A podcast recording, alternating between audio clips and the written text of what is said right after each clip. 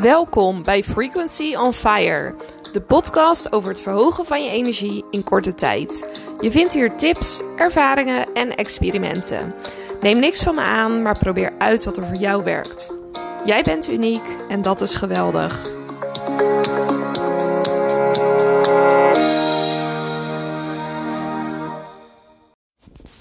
De vorige aflevering ging over de 2 minuten tip iets grappigs wat ik daar nog aan toe te voegen heb, is dat mijn eerste podcastaflevering ook twee minuten duurde. Ik durfde niet. ik dacht straks wordt het niks.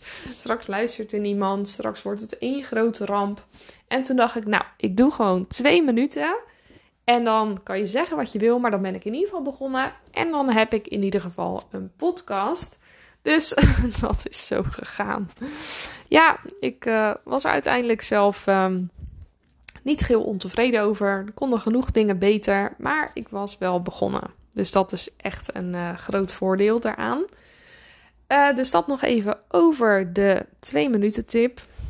Ik ben ook heel benieuwd of iemand er iets aan heeft gehad. En zo ja, of jullie dat met me kunnen delen.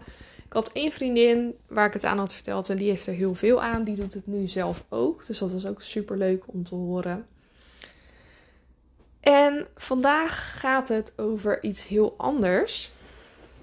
Ik heb namelijk vorige week voor het eerst heb ik regressietherapie gehad.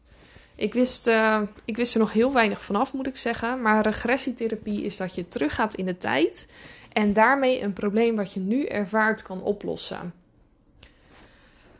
Nou, het was echt mindblowing. Ik uh, wist niet dat het bestond. Ik wist ook nog niet zo heel veel ervan af. Een vriendin van mij die weet daar heel veel van af. Zij heeft hele hoge energie. Zij is super goed in manifesteren. En zij vertelde me hierover. En zij vertelde ook dat ze op die manier haar eigen energie schoonmaakt, waardoor ze een leuker leven heeft en meer energie. En ook dat ze op die manier wil bijdragen aan de collectieve energie. Dus aan dat het beter gaat met haar en daardoor ook met haar omgeving, met de wereld, met alles en iedereen. En ja, het was zo bijzonder. Ik uh, vind het af en toe lastig om er de woorden voor te vinden. Je gaat dus terug in de tijd. En alles wat je ooit hebt meegemaakt, dat zit ergens opgeslagen in je lichaam. Ik had er echt geen idee van dat het ook zo makkelijk toegankelijk is. Dus diegene begeleid je daardoorheen. Ik had een vrouw die daar helemaal gespecialiseerd in is. Zij weet er alles vanaf. En ze had het ook al, ja, misschien wel duizenden keren gedaan. Heel vaak gedaan. Dus ik had ook iemand die er echt alles vanaf wist.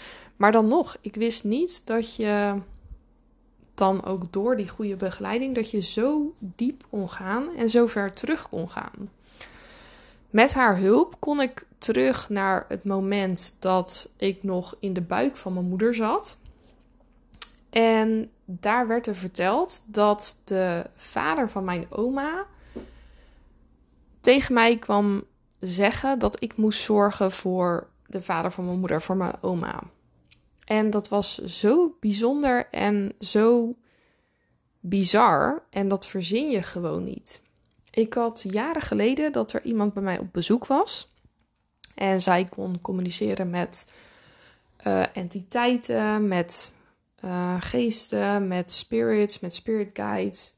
En zij zei tegen mij: Ja, er is iemand die heel dichtbij je zit. En dat is een hele vrolijke man. En die heet Wim. Nou, ik kende geen Wim. Ik had nog nooit gehoord van een Wim. Maar ik ben nu dus heel erg veel bezig met human design. Ik heb daar opleidingen voor gevolgd. Ik ben nog bezig met een andere opleiding daarin. En ik was heel geïnteresseerd naar de ouders van mijn vader, wanneer die waren geboren, omdat ik heel erg benieuwd was wat hun human design is. Vooral omdat het heel vaak gebeurt dat de charts van opa's en oma's, dat daar dingen in overeenkomen met kleinkinderen. Heel vaak slaat dat een generatie over, maar dat is een ander verhaal. Um, maar ik zie dat nu ook bij mijn dochter, dat zowel mijn vader als de vader van mijn vriend bijna dezelfde chart hebben als mijn dochter. Dus dat is heel interessant en daar wilde ik dus meer over weten. En ik vroeg dit aan mijn tante en zij stuurde toen de geboortedata van de ouders van mijn vader. En ook de geboortedatum van weer hun ouders. En ook de namen erbij. En nou ja, van mijn opa en oma weet ik dan wel hoe ze heten. Ehm, al noemde ik ze natuurlijk opa en oma. Ze zijn al lang overleden. Maar van hun ouders wist ik de namen niet. Had ik ook nooit naar gevraagd. Ook niet echt interesse in gehad. Ik wist gewoon, nou, ze hadden familie. En dat was eigenlijk alles wat ik wist. En toen bleek dus dat de vader van mijn oma, dat zijn naam Wim was. Dat hoorde ik gisteren. Dus toen had ik die regressietherapie al lang gehad. En ik vond het zo bijzonder en zo bizar. Dat, ja, dat verzin je toch gewoon niet. Nou, wat ik hieruit heb gehaald is dat je dus ook dingen mee kan nemen van je familie die niet van jou zijn. En dat door dat op te lossen, je dus een lichter leven kan leiden. Dus ehm, ja, wat ik eigenlijk hierover wilde delen was mijn ervaring. Dat ik het aan zou raden. Ik probeer altijd heel veel dingen uit. En dan, ja, als dingen goed bevallen, vind ik het heel fijn als mensen dat weten. Dat ze dingen ook uit kunnen proberen. Dat dat ook gewoon veilig is. Ik zou wel adviseren om het bij iemand te doen waar je je gewoon goed op je gemak voelt. En mensen kunnen je ook niet terugbrengen als je daar geen zin in hebt. Of niet naar nare dingen toe brengen als je dat niet wil. Dus je kan gewoon duidelijk aangeven waar je voor open staat, wat je wil. En mensen kunnen daarin niks doen wat jij niet wil. Dus ik dacht ook nog van ja, hoe gaat dat dan? Ben je dan helemaal weg? Nou, het ging als volgt. Ik ging liggen op een bank. En die vrouw die ging mij door dingen heen praten. En ze probeerde erachter te komen wanneer ik een bepaald gevoel had opgepikt. En dat bleek dus al helemaal terug in de buik van mijn moeder geweest te zijn. Of zelfs daarvoor nog. En wat daar heel nuttig aan was, is dat als je dat weet, als je dat voelt en je ben je daar bewust van, dat je dan dat weer terug kan geven. En op die manier kan je ervoor zorgen dat je eigen kinderen en later weer hun kinderen en misschien zelfs nog hun kinderen, dat die dan niet dat soort dingen hoeven mee te nemen. Dus hoe schoner jouw energie is, hoe schoner jouw energieveld is, hoe minder er weer terecht komt bij de generaties na ons.